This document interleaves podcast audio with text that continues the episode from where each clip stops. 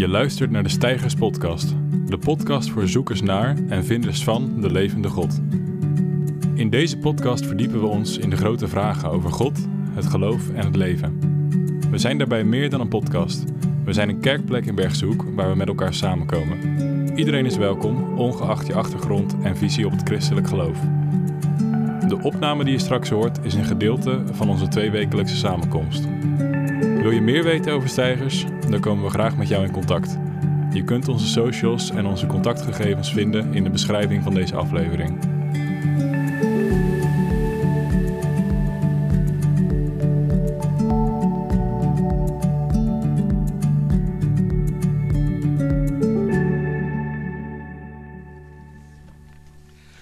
Uh, we lezen een stukje uit Romeinen 15, vers 1 tot en met 7. Wij, de sterken, moeten de zwakken in hun kwetsbaarheid helpen en ons niet hun eigen belang dienen. Laat ieder van ons zich richten op het belang van de ander, op wat goed en opbouwend voor hem is. Ook Christus zocht niet zijn eigen belang. Integendeel, er staat geschreven: De smaad van wie u smaadt is op mij neergekomen. Alles wat vroeger is geschreven, is geschreven om ons te onderwijzen, opdat wij door de volharden en door troost te putten uit de schriften zouden blijven hopen. Mogen God, die ons doet volharden en ons troost geeft, u de eensgezindheid geven die Christus Jezus van ons vraagt. Dan zult u eendrachtig en eenstemmig lof brengen aan de God en Vader van onze Heer Jezus Christus. Aanvaard elkaar daarom ter ere van God, zoals u Christus u heeft aanvaard.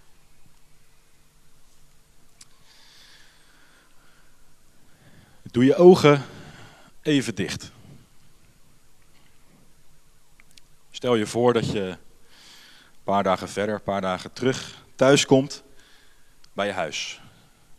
Van je werk, school, studie, sport, afspraak met vrienden, vriendinnen, boodschappen doen.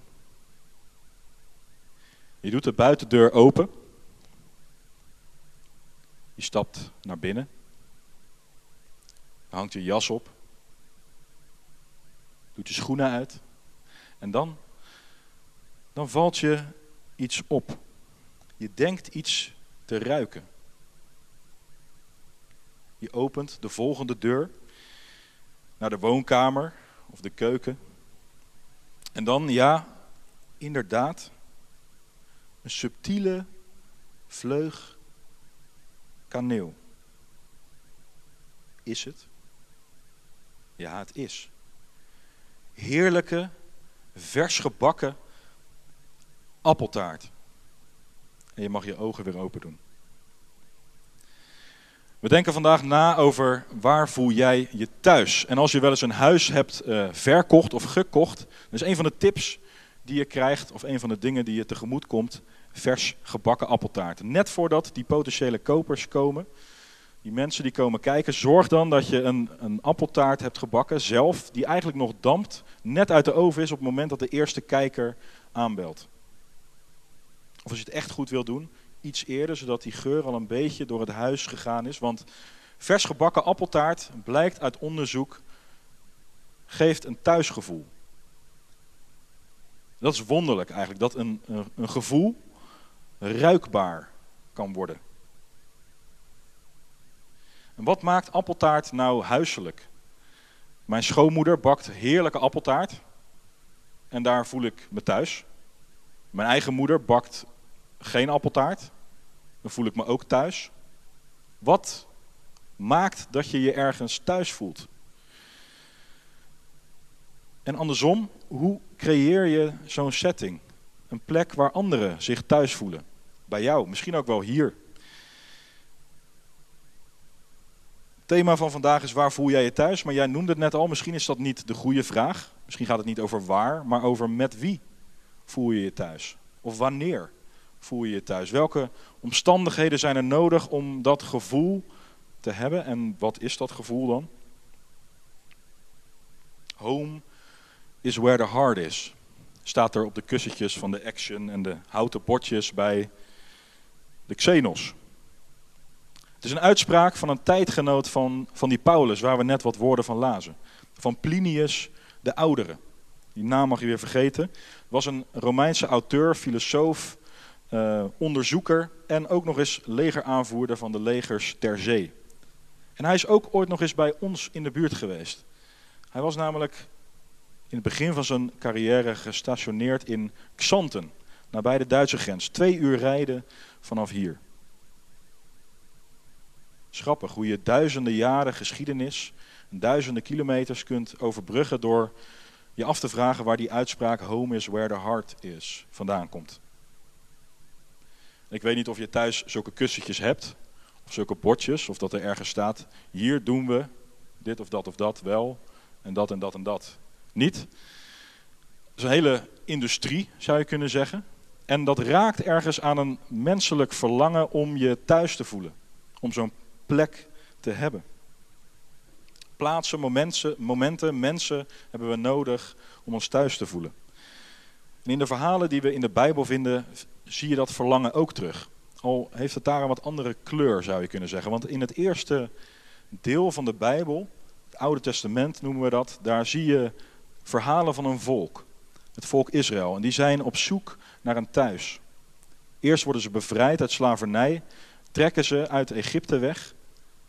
En een paar honderd jaar later keren ze terug uit ballingschap. Die gedwongen emigratie die zij moesten ondergaan. En die ballingschap, die vervreemding, losgemaakt worden van een thuis, dat is een, een belangrijk thema wat je door de hele Bijbel terugvindt. In verschillende vormen. En dat ons als gelovigen eraan herinnert dat we mensen zijn die altijd een beetje vreemd, vreemdeling zijn. Gasten op doorreis. Ergens altijd ontheemd.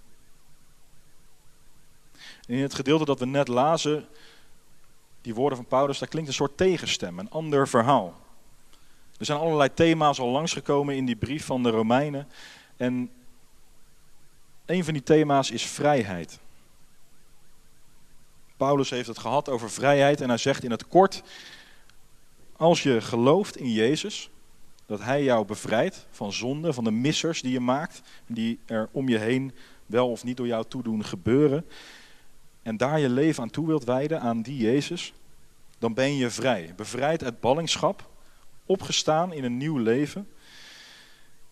Maar hoe ga je om met die vrijheid? Daar hebben sommigen het moeilijk mee. Dat is een beetje de situatie waar Paulus over schrijft. Wat, wat doe je wel en wat doe je niet als leerling van Jezus? En wie bepaalt dat? En wat als een ander in de gemeenschap daar andere dingen over denkt en doet dan jij? En daar zijn we bij de kern van de zaak. Paulus zegt, we moeten hen helpen, die ander. Niet bezig zijn met wat goed is voor jezelf, want dat hij Jezus ook niet. Ieder moet doen wat goed is voor de ander. En wat de ander helpt. En dat is geen individueel advies. Iets om eens over na te denken. Maar je zou kunnen zeggen een soort route die Paulus schetst voor mensen die zichzelf kerk noemen. En Paulus noemt Jezus als lichtend voorbeeld. Want Jezus zocht ook niet zijn eigen belang. Hij zocht wat goed is voor een ander. En dat is de uitdaging die Paulus neerlegt bij die kerk in Rome. Accepteer elkaar vol liefde, want Jezus heeft jullie vol liefde geaccepteerd. Je zou kunnen zeggen dat Paulus in, in wat hij vertelt bedenkt dat, dat het leven en sterven van Jezus, zijn opstanding, de basis zijn van een, een, een gastvrije, een welkome, een open gemeenschap. Een gemeenschap die niet bestaat om het zelf fijn te hebben, die zichzelf dient of wil rechtvaardigen, maar die welkom is en optrekt met de zwakken. En dat de kerk bij uitstek de plek is waar die ander, die buitenstaander, die ontheemde welkom is. Ontheemd. Dat is een prachtig oud, rauw woord waar zoveel in samen kan komen. Het komt van het Engelse home, trouwens, net als heimwee. En als we het met wat creativiteit naar vandaag trekken, zou je kunnen zeggen ontthuist. Niet meer thuis. En ontheemd kan zijn dat je hals over kop je huis moet verlaten omdat er bollen, bommen op dreigen te vallen. En dat is vreselijk. En dat gebeurt in de wereld van vandaag. Maar het kan ook anders. Dichterbij. Dat je gevoel van thuis kwijt bent omdat je jezelf niet meer kunt vinden. Of ontheemd, ontthuist in je eigen gezin, waar, waar thuis niet meer thuis is door de dingen die zijn gebeurd. Of ontheemd in je geloof, omdat God niet thuis geeft. En in de wereld van vandaag is dat oude woord, ontheemd, akelig actueel. Ook al wordt het misschien niet zo vaak gebruikt in de nieuwsberichten die je om de oren kunnen vliegen. Het is er wel, ontheemd, dat thuis weg is. Thuis als gevoel, als plek, als moment waar mensen samenkomen. Mensen bij wie je thuis kunt zijn. En dat geldt vandaag voor Palestijnen, Gazanen, Israëli's, Oekraïners, Armeniërs, Syriërs, mensen uit Jemen, nog zoveel andere plekken. Dan zitten wij hier in Bergse Hoek. We krijgen dat een beetje mee. Het is te veel, te groot, te moeilijk. Ontheemd. Wat kunnen wij doen? Hoe gaan wij goed om met de vrijheid die wij hier hebben? De vrijheid om partij te kiezen. Om argumenten te wegen, te gebruiken of te verwerpen. De vrijheid om weg te zeppen, om door te swijpen. Om door te gaan met ons leven alsof, alsof er niets aan de hand is. Heb je het moeilijk met die vrijheid? Dat is waar Paulus het over heeft. Vrijheid is wat anders dan maximaal genieten van wat je kunt doen of kunt laten. Maar vrijheid geeft je de opdracht om een richting te kiezen. En de vrijheid om te worden wie je bent en te zijn wie je wilt zijn, geeft op een bepaalde manier ook een verantwoordelijkheid mee. Om de dingen goed te doen. En om dingen goed te kunnen doen, moet je weten wat de goede dingen zijn. En dat is soms best lastig. Neem nu bijvoorbeeld de situatie in Gaza.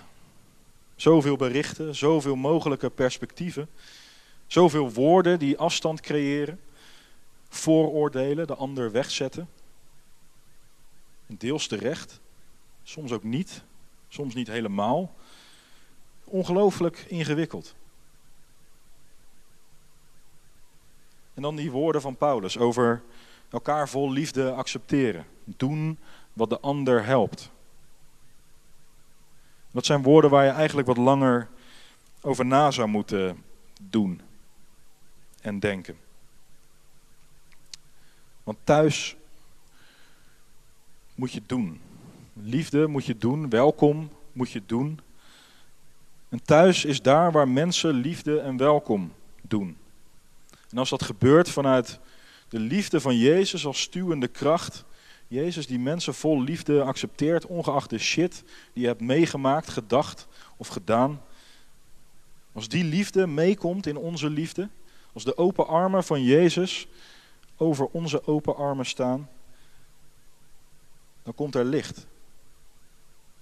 En dan is er hoop. En dan kan de kerk een plek zijn waar Gods liefde geproefd, gezien en gevoeld kan worden. En dan kan de kerk een thuis worden voor mensen die ontheemd zijn. Op dat moment stap je in de kerk een ander verhaal binnen, een andere wereld.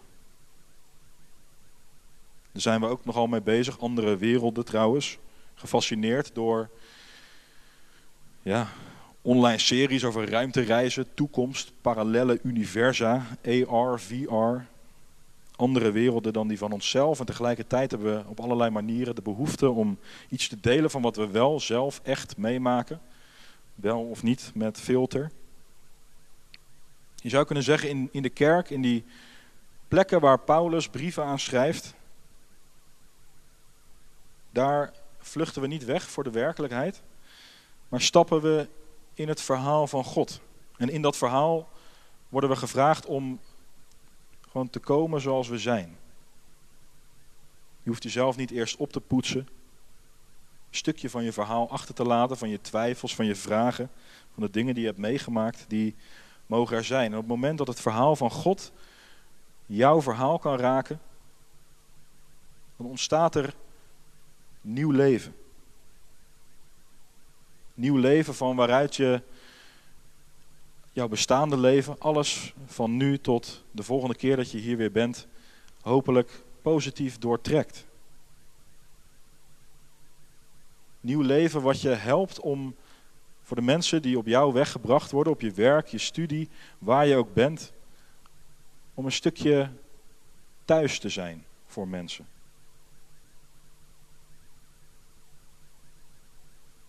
Liefde te delen. Dat is een hele wonderlijke liefde.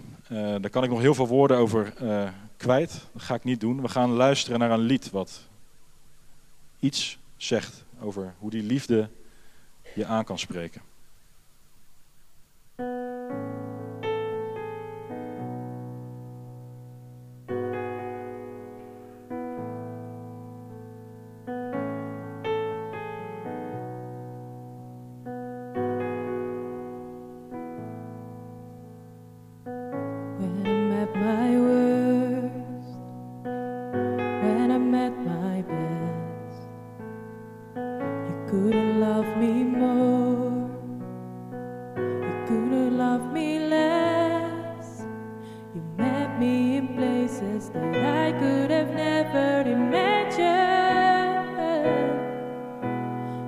washed all my failures away.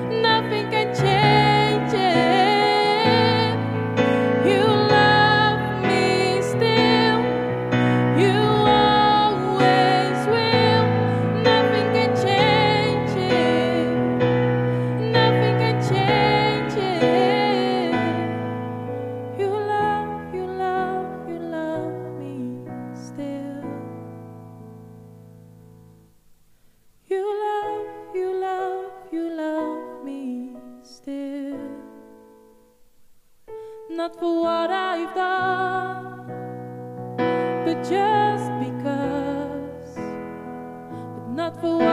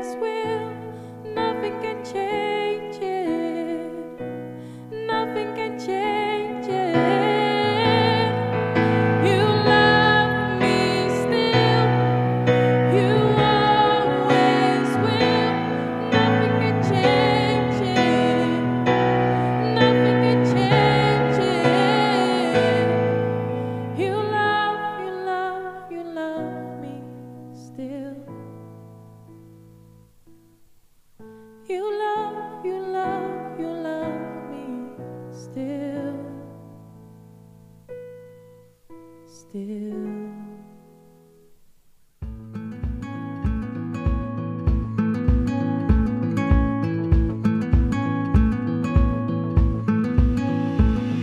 Dit was de podcast voor deze keer. Bedankt voor het luisteren. Vond je de aflevering leuk? Vergeet ons dan niet te volgen op de socials. De link staat in de beschrijving.